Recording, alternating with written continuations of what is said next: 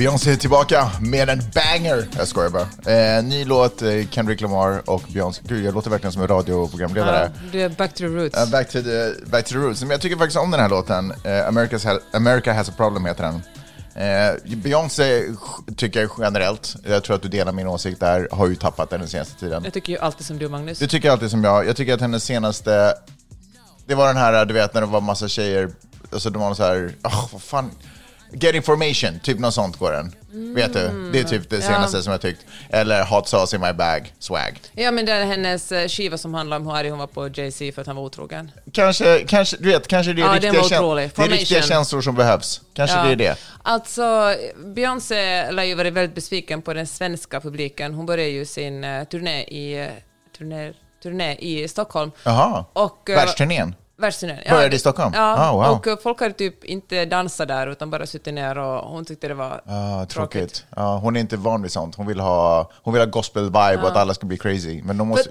det får man ju ändå säga. Hon har ju varit i Sverige förut, hon borde ju veta hur svenskar är. Alltså, vi var det verkligen rätt beslut, Beyoncé? Var det verkligen rätt beslut att börja turnén där? liksom. Men it can only get better. Men folk som, som man känner det, som man har hört talas om, som har varit på konserten, verkar tycka att det var otroligt. Ja, men det lät på dem som de dansade. Hon bjuder väl på en bra show? Ja. Jag har ju bara varit en gång på, fast det var nog fan inte Beyoncé, det var nog Destiny's Child-konsert till och med tror jag. Ja. Eh, och då eh, tappade hon micken och så fortsatte hon sjunga. Alltså förstår du vad jag menar? Att man såg att det var playback. Ja men fan, unna en kvinna ja, lite playback. Egentligen så tycker jag att det är så himla överskattat att de måste sjunga på riktigt. Alltså, det är inte en klassisk konsert, det vore ju sjukt konstigt om det sitter en massa stråkar och sen så, jag vet inte, lämnar de scenen och fortsätter spela. Det, det hade varit weird. Men jag tycker... Det är så mycket mer underhållning menar jag. Det ja, det men det är ju det. Ja. Det är ju en show man är ja. där för. Men hör du, på tal om det, Beyoncé och Jay-Z köpte ju ett hus i Malibu nu, här i veckan. 200 miljoner dollar. Ja. Och paid cash tydligen. Va? ja. Vilken hustler move. Alltså varför betalar man cash? Fy fan vad sjukt. Ja. Ja. Underbart roligt att ha er eh, tillbaka. Nu kör vi ett avsnitt tycker jag. Du lyssnar på Magnus och Peppes podcast.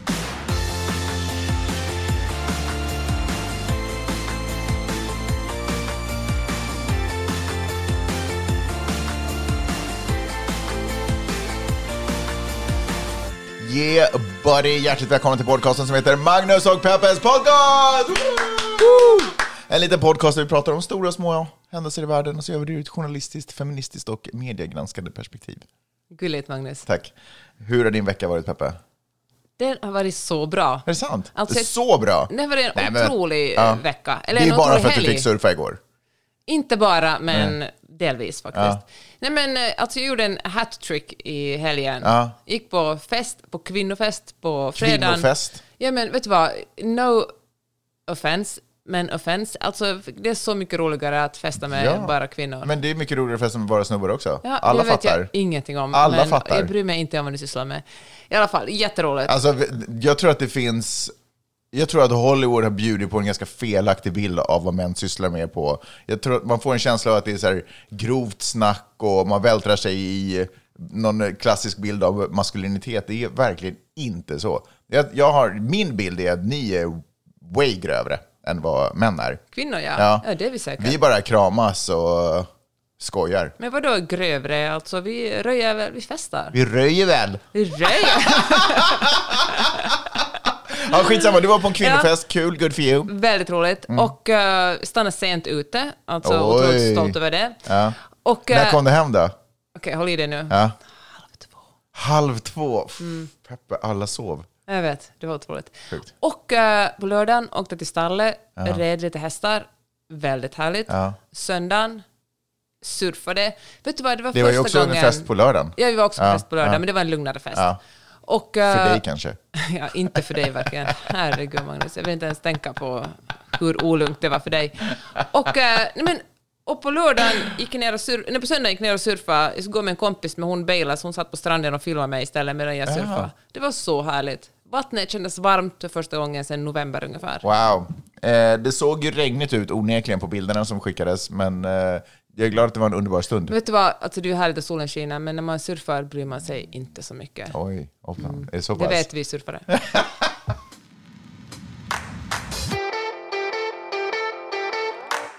Eh, Det tog extra lång tid för mig att komma hem från den här festen. Jag vill ju säga att jag var hemma vid 11. Så det var ju, alltså, och, men jag vill också tillägga att det var inte eget val, jag blev typ utslängd. Eh, Men eh, jag kan väl säga att det tog extra lång tid därför att jag hade glömt eh, glasögonen där inne. Så jag kunde inte riktigt se och, och manövrera Uber-appen som jag... Åh herregud vad jobbigt. Så det var supersvårt för mig att liksom bara beställa bilen. Hur gjorde du då? Nej, men jag tror att jag bara väntade tills jag fick något fokus och försökte erinra mig hur appen Höll du- fungerade. Höll du ena handen framför ena ögat liksom... Oh, det kanske man borde göra. Ja. Ja, kan, skitsamma. Äh, nej, men det var, det var supertrevligt, jättekul. Hör du, ehm, ska vi dyka ner i eh, veckan som har hänt? Ja. Okej.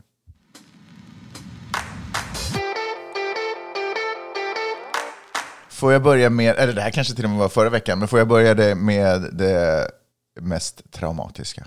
Åtminstone om- man är prins Harry och hans fru Meghan. Är hon prinsessa? Nej, skitsamma. Nej, det är hon inte. Nej. Han, han är väl borderline prins längre? Det var inte så att han fick sparken? Ja, det är sant. Eh, Det är faktiskt Så sant. nu för tiden är han bara Harry. Mm. Jag ska ju också tillägga att jag precis har klippt en podd, Lille Lördag, med Anita Clemens och Hans Söderlund. Och därifrån har jag fått lite information om, för att det var ju nämligen så att för inte så länge sedan så var det stora rubriker om att Harry och Meghan har varit i en två timmar lång biljakt genom New Yorks gator. Någonting som bara inte är traumatiskt för dem för att man, det är obehagligt att bli jagad, utan det väcker ju också som betraktare och läsare av den här storyn, väcker det ju fruktansvärda minnen till Harrys mammas öde, där det var en biljakt med en paparazzi i Paris och hon dog. Eh, tillsammans med sin livvakt och chaufför. Ja, någonting sånt i alla fall. Sin kille. Sin kille, ja. Eh, men nu har New York Times pratat med taxichauffören. De åkte alltså en taxi, för det första. Jaha, De har, och, New York, det är tajt nu. och New York Times har eh, pratat med taxichauffören som körde dem. Och han berättade att det var inte alls en två timmar biljakt. De, eh, helt plötsligt berättade han, fan ska jag nästan spela upp, bajtar jag för mycket av Lille Lördag nu om jag spelar, jag har ju tagit ut klippet på det här. Men ta ut det, jag vill höra det. Okej. Så blir det inte så mycket trasiga telefonen när du försöker säga Eh. det de sa. Yes. It proves my theory. You don't know who you're gonna get in your cab. I see three people hop out of a black car right into uh, my cab, and it was Prince Harry and Meghan, and there was another woman with them as well. And as we're going straight, uh, garbage truck was blocking us. He was picking up trash, and um, all of a sudden, paparazzis came out of nowhere and started flashing, uh, taking pictures, and uh, you know, and they didn't stop until the security got out and said, "Move, move, move." I don't think there would have been an accident because there was not that much traffic at nighttime, you know. But you never know, right? If the one of the paparazzi decides to cut me off or anything like that, it is possible. Alltså det var inte en två timmar jakt, det var en tio minuter, de satt fast i trafiken i tio minuter bakom en sopbil. Eh, och det här, jag har för mig att rubrikerna var så att det var någon som dog på vägen, du vet någon som blev påkörd, det var folk som blev skadade. Det var ingenting sånt, det var inga kollisioner, det var ingenting. De har bara hittat på allting. Nej men, kan de verkligen hitta på allt? De har ljugit ihop alltihopa. För det första så klev de ut sina egna security-bilar och gick in i en vanlig taxi. För att. De, har ju, de har ju försökt skapa ett narrativ. Det här är ju också, förlåt att jag bryter, men det här är också vad de i Lille Lördag, eller vad Anita, eh, Anitas teori är. För att nu när hans pappa, kungen, eh, Charles, blev krönt, så har de i och med det också tagit bort eh, betalning. De betalar inte längre för Harry och Megans security. Så Anitas teori var att det här är en, en stunt för att visa att det fortfarande är farligt för dem att vara de de är. Och att ett sätt att, pressure, alltså så att pressa den brittiska kungen att ge dem, att stå för, alltså för det är ju miljontals dollar i månaden det kostar antar jag, eh, stå för betalningen. Alltså jag, Men hur kan man ljuga, alltså det är 2023, alla vet. jag läste faktiskt en intervju med en paparazzi om det där som sa ungefär samma sak som taxichauffören, Mm. att det inte alls var en två timmars jakt. Men hör du... um, Men det är det sjukaste jag har hört. Ja, De det spelar ju bara cyniskt på sin e- Hur kan man spela på sin egen mammas död för att, whatever reason, vare sig det handlar om att han ska få pengar för det här eller om de bara är på någon tripp där de vill ha uppmärksamhet eller vad det än är. Och jag önskar att jag kunde säga motsatsen och försvara dem, för det är tråkigt när man tycker exakt samma sak i en podd, men jag känner mig, jag är så cynisk när det kommer till de två. Det är ju sinnessjukt. Det är jättesorgligt. Det känns också så otroligt girigt. Alltså jag förstår bra att det är fan ingen fest att vara Harry. Alltså han har haft ett jobbigt liv. ett otroligt Men alltså- privilegierat jobbigt liv. Men eh, åk till Montecito, gör tv-serier, gör YouTube, alltså gör YouTube, bara Verkligen. influencers. Alltså, Exakt, och eh, prata, om, men prata om viktiga och riktiga frågor. Använd din fame till att göra bra saker för andra människor. Och få extra cred och kärlek för att du också gått igenom en tuff tid. Men håll inte promota din tuffa tid. Som att det är Nej, det du är för- känd för. Verkligen. Plus att han håller ju på att förstöra det för sig själv, alltså förr eller senare. Alltså om det verkligen blir att Alltså, och det jag- kommer fram att det är ett narrativ och liksom, som de försöker Men det är det, på. du kan läsa om det på New York Times. Alltså, det hittar på. Det är det vad sjukaste jag hört. Det är så, Så- jäkla, det är ju helt sinnessjukt. Och, eh, nej men just det där, att man spelar, hur kan man, alltså, att man tar sig Kapitalisera på sin egen på en mammas egen tragiska död. mammas dra, tragiska död. Det är twisted shit alltså. Det är riktigt twisted.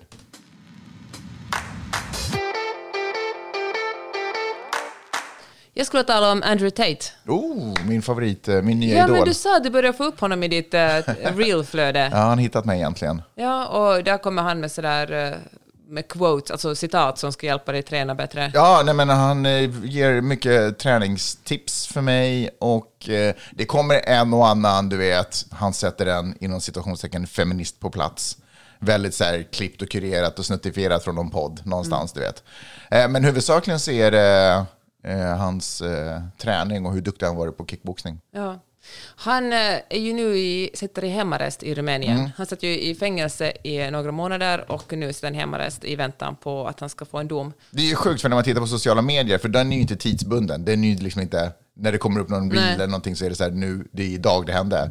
Så man får ju känsla av att de fortfarande rör sig omkring i världen. Ja. Du vet, för att hans reels Just lever det. kvar. Ja, det gör han ju inte. Nej, nej. Han, eh, han sitter och hasslar hemifrån nu i Rumänien. Och det har också från alla våra källor i New York Times idag tydligen, men jag läste en jätteintressant eh, artikel om hur han, eh, ja men hur det går för honom. Tydligen har han haft en Bentley, en Aston Martin och en, en Porsche och en BMW. Det med Bentley kanske inte stämmer, det lät till själv. Men i alla fall några riktigt dyra lyxbilar som har blivit konfiskerade. Och nu står det bara en gammal Lada från Sovjettiden på gården, för det är den enda som inte var värd någonting som de kunde låta honom hålla. Och frågar om han ens får använda den, om han får, kanske inte ens får, eller han får väl inte lämna sitt hem. Men han bor i Rumänien alltså? Han bor i Rumänien och orsaken till att han valde Rumänien är att det har varit det mest korrupta landet i Europa.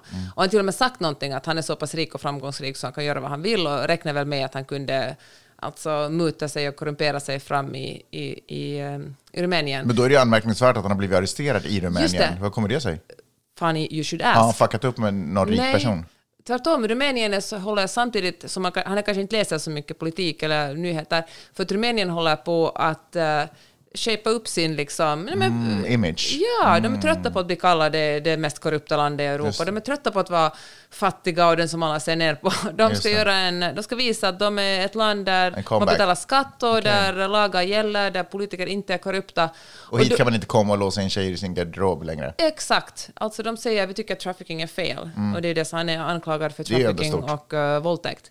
Det är en bra början om man vill tillbaka in i liksom EU-gemenskapen. Men alltså ärligt talat så är det ju också, hade de ju lite tur, tur, men tur i oturen att de just fick Andrew Tate Ja, eftersom det. det är ju ett jättebra exempel. De visar, kolla vad vi sysslar med. Ni vet Andrew Tate, han har varit asshole mot kvinnor och brutit mot lagen. Så här, är det, så här gör vi med sådana. Nu tänker jag, nu vill jag spela ett litet cyniskt kort här. Eh, Rumänien har inte ett dugg intresse av att bli av med sin, eh, eller ändra sitt korrupta system, men däremot vill ha en bättre image. Och så har de fått värsta posterboyen för eh, osunt leverne, höll jag på att säga, men, eh, men liksom, ja, som de kan göra en posterboy av, verkligen. Ja, och så får de alltså- gratis PR på alla sociala medier.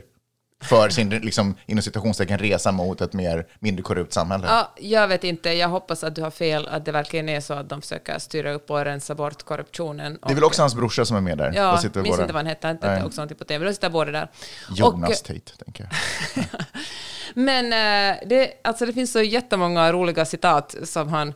Han är självutnämnd... Alltså, jag tänker så här, tror folk verkligen på allt de läser på internet och hör folk säga på internet? Mm. Och man brukar ju skoja att det är liksom boomer-generationen som tror på allt de läser på Facebook. Men vet du vad? Detsamma gäller faktiskt TikTok. Folk tror på allt de ser Mm. På TikTok. Alltså, Men folk tror nej, men Man också- säger så här att, att den unga generationen har bättre koll på källor och sådär, men det är ju verkligen inte alls sant. Nej. Men eh, nu, nu sk- ska jag säga någonting riktigt stenåldersmässigt. Eh, och jag tror också att folk tror på det där därför att folk är svaga. mentalt. Alltså då söker, om man känner sig svag och rädd, och då, behöver, då söker man sig gärna till någon som utstrålar jättemycket styrka och självkänsla och Ja. påstår att de vet vad de pysslar med. Om folk hade lite mer självkänsla och var lite starkare i sin kropp och sin själ, så skulle han inte ha någon marknad. När du säger folk menar du unga män? Jag menar huvudsakligen unga män, Ja. för det är de som dras till honom. Precis. Han har till exempel sagt att han har 19 pass. Att han kan röra sig var som helst i världen. Att han är miljardär. Alltså en massa som hittar på. Plus att han dra, drar en PhD-kurs i hur man får eh, kvinnor att göra vad man vill. Och går man den här kursen kostar drygt 400 dollar, en första avgift, sen betalar man mer hela tiden. Då kommer man att bli expert på att få kvinnor och få kvinnor att jobba för en så att man har en passiv inkomst. Då. Ja, men det är massa otroligt konstiga och vidriga saker som han säljer. Sen visar det sig att det är ett pyramidspel, hela det, så att man betalar, fortsätter betala honom på all sin inkomst. Men eh, så han har ju, det, är ju- det, är ju, alltså det sagt har han ju tjänat jättemycket pengar på att många män är så vilsna och osäkra på hur de ska leva sina liv. Det är, ja, men jag kan ju säga att det är med ett viss, en viss tillfredsställelse jag läser det här. Alltså att på något sätt känns det som om en väldigt eh, ond person har fått ett straff.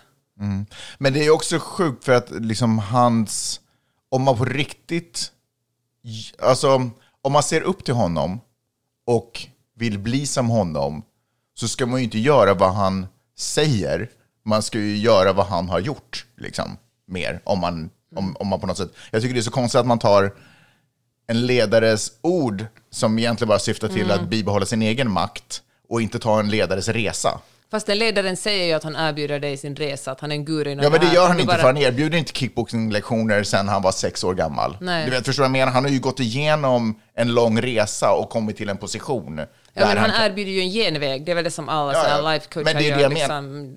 Fast alla, alla vet att genvägar inte existerar.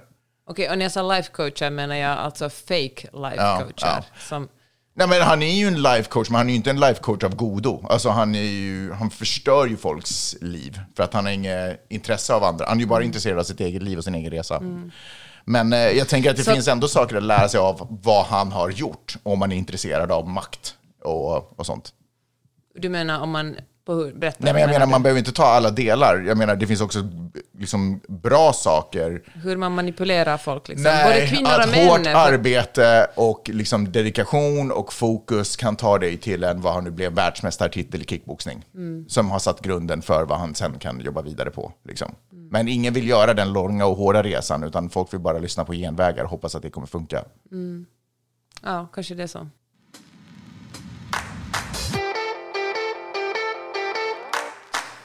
Jag läste en eh, så rolig, eller rolig och rolig tweet, men det var någon som skrev “This is the stupidest, stupidest election”. Stupidest. Ja, men alltså, för att eh, det kommer, alltså inte, och inte ens election, för nu är det ju Du liksom... pratar om president, presidentvalet nu. Vänta, ja, jag pratar om presidentvalet och jag talar specifikt om vem som kommer att bli republikanernas kandidat. Mm. Donald Trump har ju gått ut och sagt att han ställer upp, men han har inte officiellt blivit republikanernas kandidat. För det finns flera stycken som utmanar honom om det. Det ska ju vara debatter och sånt innan Ja, det men är på riktigt. Ja. Och nu väntar man ju sig att Ron DeSantis, som det gått lite sämre för, men nu börjar han kravla upp sig igen. Han har försökt, eh, nej men han har bråkat lite extra mycket med, eh, med Disney och talat ännu mer om, om att förbjuda böcker och, och abort, så nu börjar han kravla upp sig igen i, på ett positivt sätt hos vissa i rubrikerna. Trumps eh, reklamfilmer mot... Hur du avbryter. Nej, för att det, du missar roliga detaljer. Du missar inte, men jag vill slänga in roliga detaljer. Tänk om det är något som jag är på väg att säga nu. Okej, säg det. Men säg du då. Nej, säg du. Nej, säg du först. Okej.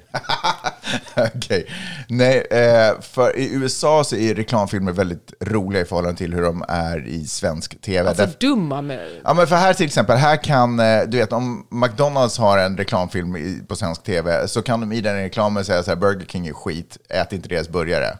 Vi serverar de bästa burgarna. Ja. Du vet, i svensk reklam skulle man ju aldrig basha en annan. Nej. Jag vet inte ens om det är lagligt att man får göra det. Att, det ja, precis. Så Trumps liksom, kampanjreklamfilmer som är ute nu, de handlar inte om att Trump är otroligt bra eller fantastisk, utan de handlar om att Ron DeSantis har röstat för någon så här mervärdesskatt eller någonting sånt. Att han var, så, Som Trump själv har varit med och röstat om tidigare. Ja, det är sant. Ja. Men så, nu är det så här massa roliga, nästan lite South Park-inspirerade eh, reklamfilmer. Klippdockor. Ja, klippdockor. Eh, där, eh, där DeSantis sägs liksom more tax, more tax, more tax, typ något sånt. Det är så sjukt underhållande. Men också ett av argumenten som, som Trump nu för alltså, är att eh, Ron DeSantis kan inte bli president för att han är kort. Vilket är true. Han, är liksom, han har klackskor och, och så, han är väl så här 5'7", vad är det? Jag, jag tror inte jag är 5'8 eller 5'9". Jag är 6 eh, feet och det är 183 exakt. Typ. Okej, men i alla fall, han är, vad kan han vara, kanske 168, 165, Ja. vad vet jag. Ja, jag vet. Kortare än jag i alla fall. Ja. Men, eh, men, att, men liksom om debatten ska handla om hur lång man är. Ja. Är Men då är ju Biden superkvalificerad, för han är ju en lång man. jaha, ja, det, han har liksom inte en långmans image. Va? Har han inte? Biden då? Biden? Han har ju verkligen en lång... Det är väl typ det han har. Att han Jaha. kommer in och är reslig liksom. Det har jag Sen är aldrig han tänkt gammal. på. Det är det sant. Har du inte sett så här gamla eh, du vet, debatter som de har haft i kongressen och senaten och liknande när Biden var ung? Alltså sådär, du vet, på början av seklet, förra seklet. Nej men, och då ser man liksom, alltså han är ju eh, en reslig man. Alltså det här med män och längd är en mycket större grej än jag någonsin... Eller det här, jag, jag har börjat förstå det. Va, vad menar du? Nej, men så att folk ljuger på Tinder om hur långa de är. För att... Har du börjat märka det nu? Vad gör du, på Tinder? Nej, men, Panikinandning. för, för 15 år sedan när jag jobbade som chefredaktör för Papper Ja. Mm. så var jag också VD för tidningen Papper. Och då satt jag granne med han som var VD för hela men, tidningskoncernen. Mm. Och, eh, som Papper var en del av. Och han eh, var en jättelång man. Ja. Och hans bästa kompis var ekonomidirektören som var en jättekort man. Ja. Och eh, de brukar alltid gå på lunch tillsammans och han ser, det ser verkligen ut som liksom helan och halvan, en jättelång och en jättekort man. Mm. Och så skulle ekonomidirektören sluta och det var en, en avskedsmiddag där alla som ledningsgruppen, inklusive mig, vi var liksom, nej, jag var ju en del av ledningsgruppen. Ja, alltså. ja. Åt vi middag och så höll vdn ett jättelångt tal där han talade om hur korta män vanligtvis är aggressiva och eh, har dåligt självförtroende och jobbiga att vara med. Ja. Men hur den här ekonomidirektören verkligen inte är en sån. Och eh, jag tyckte att det här var så otroligt roligt, så jag bloggade om det. Utan att lämna någon namn, men jag bloggade ändå om det. Och följande dag när jag kom till jobbet så blev jag inkallad hos uh, vdn. För vi- Inte, inte ekonomidirektören i alla Nej, fall. nej, men hos vdn för att han läste uppenbarligen min Ja, blogg. ja. Och det var, ja, men det var så där bra stämning där. Det, det är absolut en grej. Eh, Och det är ju tragiskt, för det är ju verkligen att, alltså, vad heter det när man stereotyp, alltså man gör stereotyper, så det gynnar ju ingen människa på jorden. Nej. Men jag har många gånger känt en frustration över hur långa människor, män huvudsakligen, eh, hur jag känner att de har karriärsfördelar av bara sin längd. Jag känner att jag är minst lika bra på Jaha, vad känner de du gör. som en kort man jämfört med Ja, dem? ja alltså, man är ju alltid en kort man jämfört med en lång man. alltså, det, alltså kommer Shaquille O'Neal så är man ju en kort man. Det går ju inte. Man är ju en liten människa då. Men jag känner alltid, jag har känt länge den frustrationen att det är bara längden som har gett dem de här karriärsfördelarna. Ah, intressant. Det är otroligt provocerande. Därför de kan alltid se ner på. så Alltså, inom alla män som är kortare än 1,90 så bor det en liten arg en liten avundsjuk kortis. som knyter näven. Hårt i fickan. Exakt, men det, det sant är så han är alltså kort. Det är en kort dude. Ja. Han är också nu i trubbel därför att han eh, har dragit in lite för mycket pengar från försäkringsbolag som har varit de stora donatorerna. Jaha. Eh, jag, jag, såg, jag försökte få fram lite mer fakta och information om det här medan du pratade. Ja, okej. Eh, Men jag såg, det dök upp en sån här liten bullet bara, en notis i Ja. min telefon om att eh, han har lite problem. Och nu ser jag här på, nu, känner du till tidningen The Intercept? Det låter ju inte, Nej. Jag kanske inte ska ta information om det här. Washington Examiner, Eh, The Guardian, yes, är den godkänd? den godkänner jag. Ah, Okej, DeSantis accused of favoring insurance industry donors. Tydligen 3,9 miljoner dollar från eh, uh, insurance-industrin. Insurance-industrin är ju inte så... Det är ju sjukt att den, den industrin i USA är så otroligt impopulär, men alla lutar sig mot den.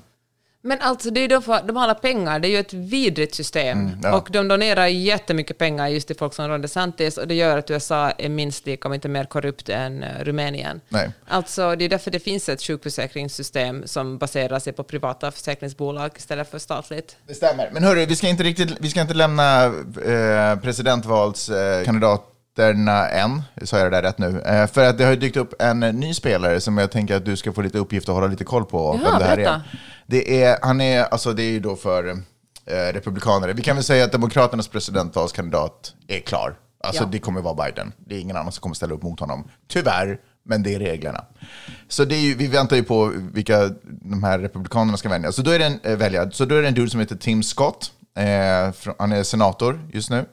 Eh, och han eh, meddelade det här i måndags. Kan ha varit för en vecka sedan.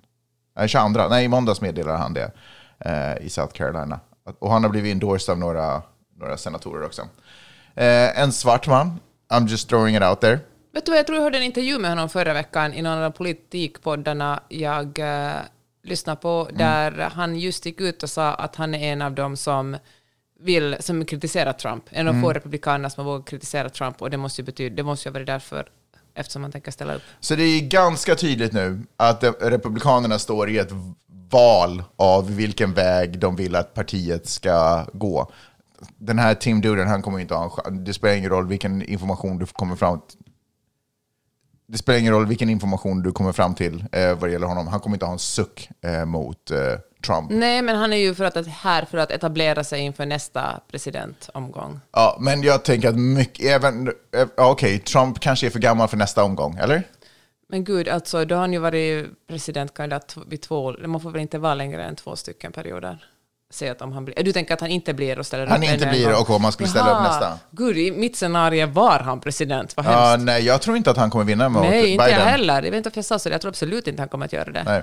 Så eh, vilket fall som helst, jag, jag säger så här, jag har beställt popcorn. Eh, så det kommer vi ha redo framför tv när de här kampanj, eller när de här, när det riktigt, på riktigt drar, drar igång med DeSantis och Trump när de börjar på riktigt kasta. För de, riktar, de är ju intressanta. Den här Tim, han riktar sig mot en annan sorts republikaner. Jag tror inte vi kommer höra så mycket Det är inte så mycket kulturkrig, Nej, utan han vill så- ha mer eh, den gamla, goda Precis. republikanen. Och de republikanerna tänker jag inte är högljudda, för de har inte några extrema åsikter om vi säger Mm. så. De, och de har inte heller åsikt, jag kanske menar så här egentligen, de har inte åsikter som egentligen attraherar media att rapportera om. Det finns inget det finns ingen lattjo där. Mm. det finns inga rubriker. Nej.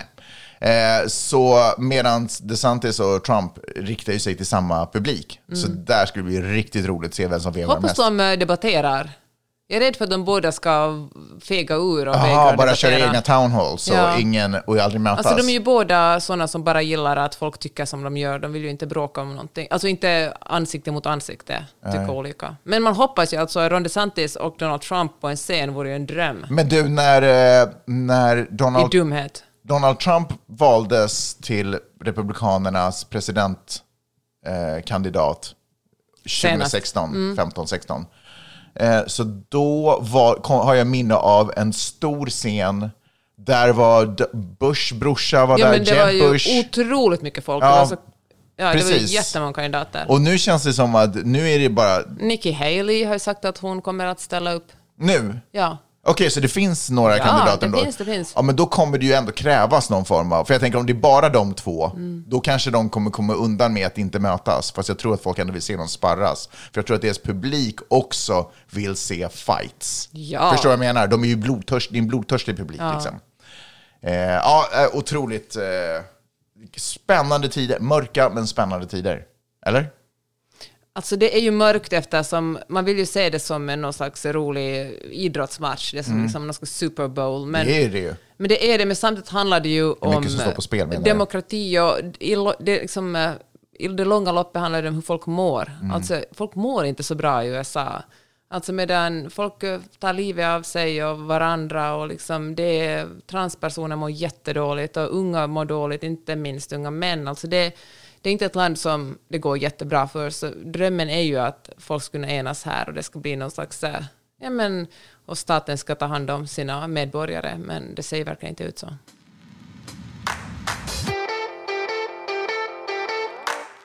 Innan vi går vidare, får jag bara fråga dig en sak. Eh, Trump var ju med i en town hall meeting på CNN. Vi har inte kommenterat det, tror jag. Har du någonting du vill säga om det?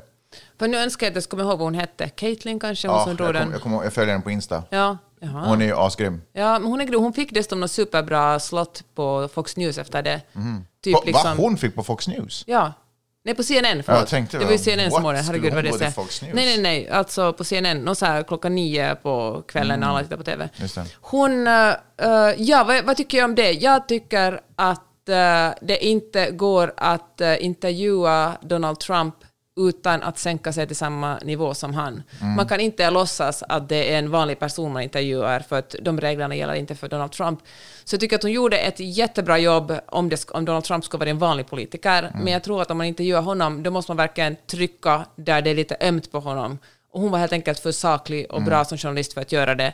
Så därför alltså, fick han ut sin, sina... Alltså, det, det, han, därför fick han vara Donald Trump. Ja. Och liksom, han kom ju med osanning efter osanning. Och hans krav hade ju varit att sitta med en publik som är Trump-älskare.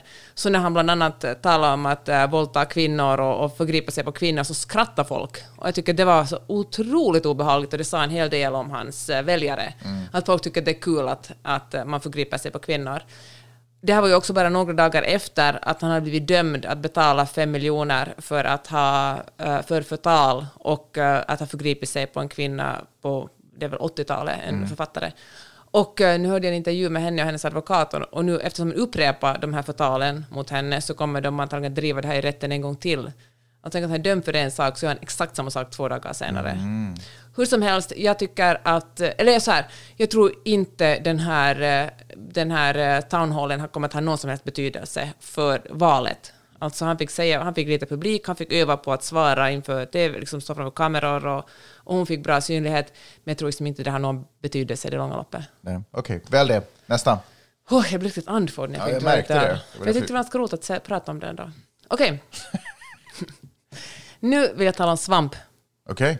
Vi har ju en uh, Miley's bästis pappa kommer från Australien han har drivit så här, eh, ett weedbolag, vad heter det, alltså cannabisbolag. Han har sålt cannabis.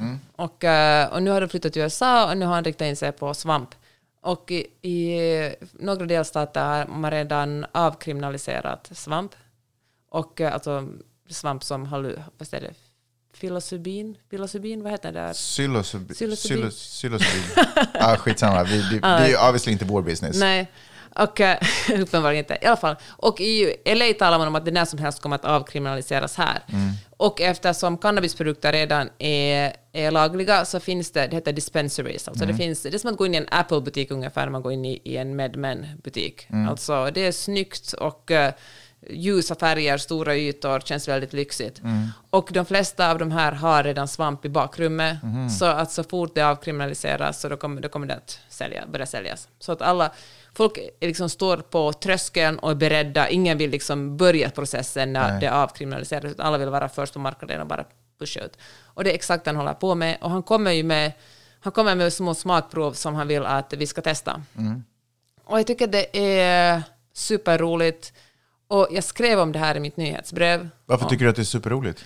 För det är, jag tror för det första att eh, det har kommit att hjälpa många människor.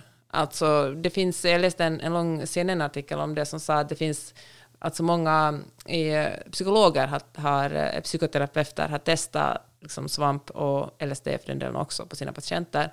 Och det finns tecken på att om man i samband, samband med terapi äter sådana sådana mediciner så kan det öppna nya nervbanor i, i folks hjärnor och, eh, och de flesta får verkligen hjälp av det här. En, en person eller, hade liksom många år efter att tagit en dos i samband med terapi och sen mått bra i många år. För de flesta räcker det några månader och sen måste han ha en liten dos igen. Mm. Och jag tror att vi kanske ska vara tydliga med att det handlar inte om att liksom vara ute och trippa på, eh, på någon svamp och överäta någonting eller och ha Alltså nå- det är ingen partydrog.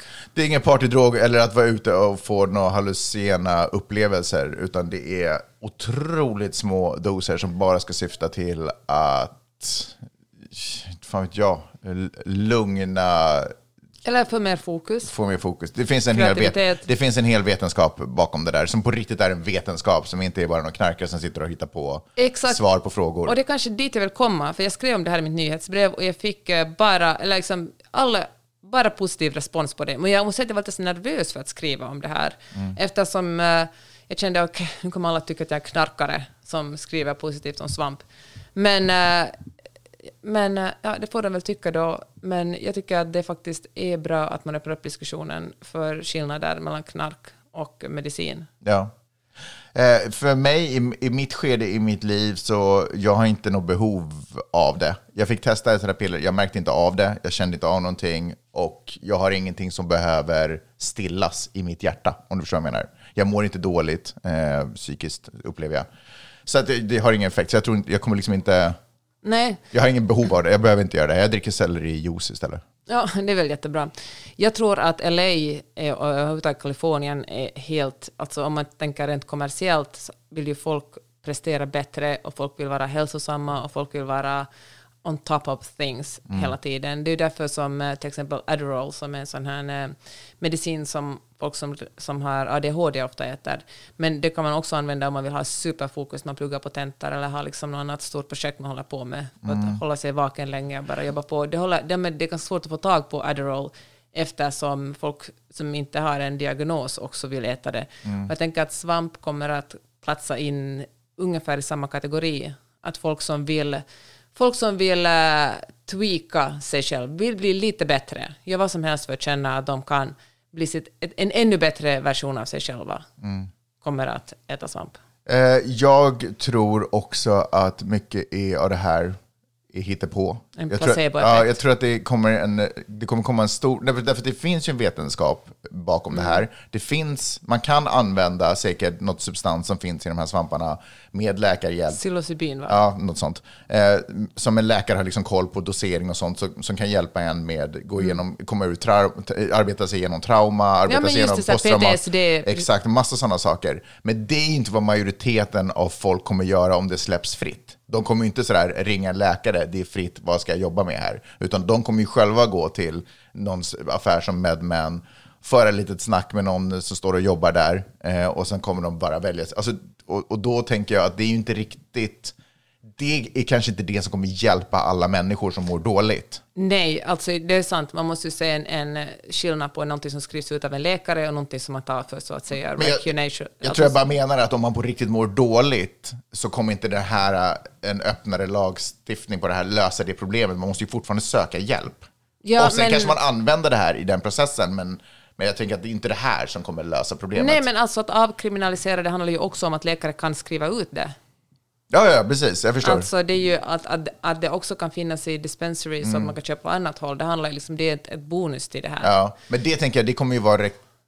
Alltså, eller det, det kommer ju förstås inte vara recreational, men det kommer ju säljas som att det här ökar din fokus, det här ökar Ja. det här. Men det tror jag inte att det kommer göra. Men det så säljs ju tusen andra saker också, alla möjliga sellerijuice Ja, så vi borde ju ha lärt oss av det och fatta att det här kommer inte heller funka. Det här är ju bara en business där man säljer någonting som låter exotiskt och lite spännande. Ja. Och sen så lutar man sig till de faktiska fördelarna det har, fast i ett helt annat Verkligen. sammanhang. Liksom. Ja, men det tror jag Så det är, verkligen.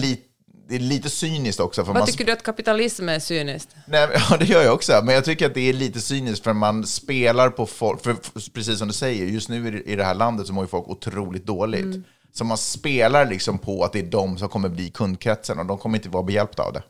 Men det handlar inte bara om det, det handlar ju också om att, eh, som när man avkriminaliserar cannabisprodukter, att Mm. eh, folk, och då speciellt svarta män, satt i fängelse.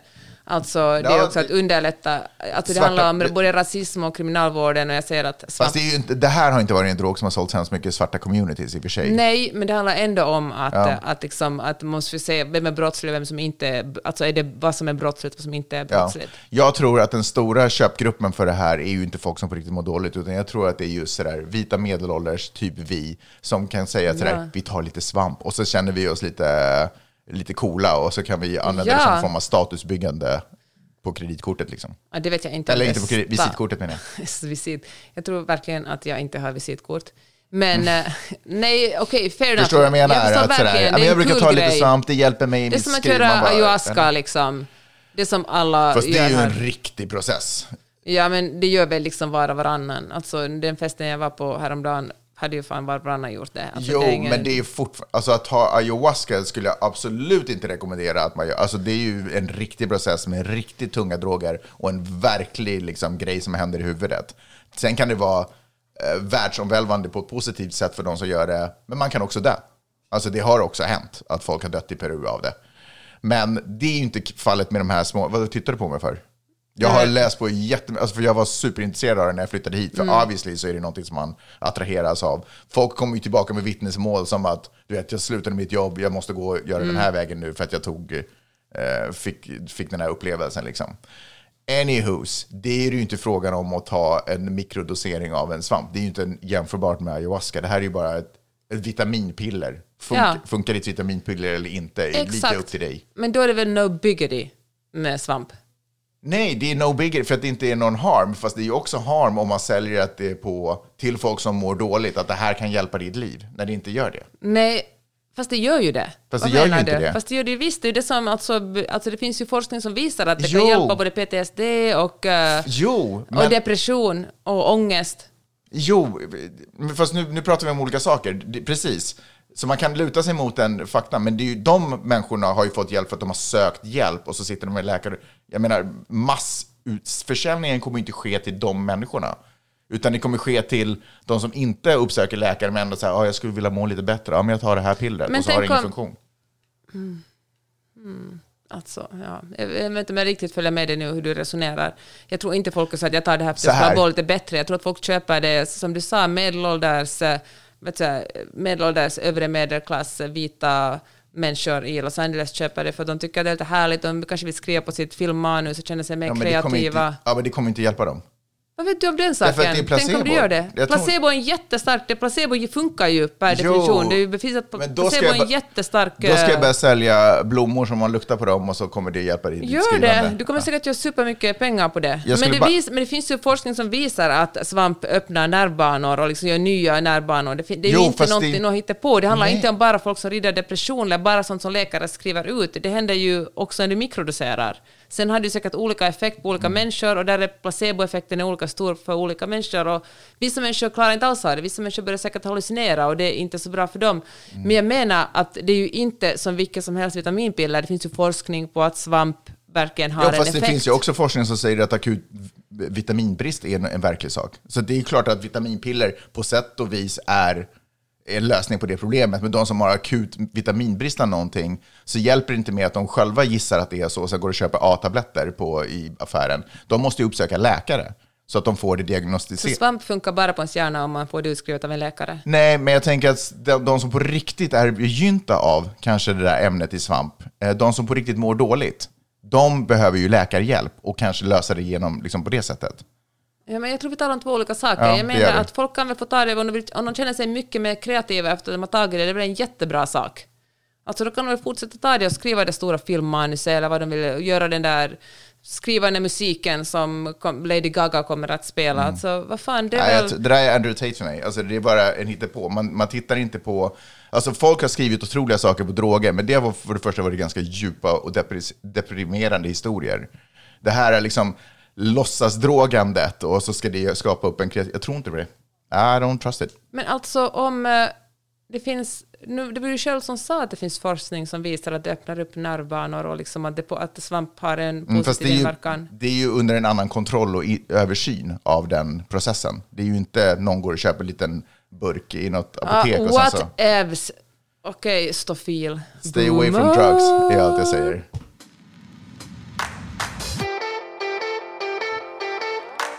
Med det sagt så tror jag att den här trippen har kommit till sin ända. Nu tror jag att det är dags att eh, vi lägger oss ner och kanske käkar lite några munchies eller någonting. Någon burgare eller lite pommes frites eller någonting. Jag skojar bara. Tack för att Finns ni har kall lyssnat. pizza i kylskåpet. Fy fan vad äckligt. Hörni, tack för, nej det är faktiskt jättegott. Tack för att ni har lyssnat den här veckan. Vi är tillbaka nästa vecka. Det gör vi. Det gör vi. Nej men det är vi menar jag. Ja, det är vi. Okej. Bra. Hej då.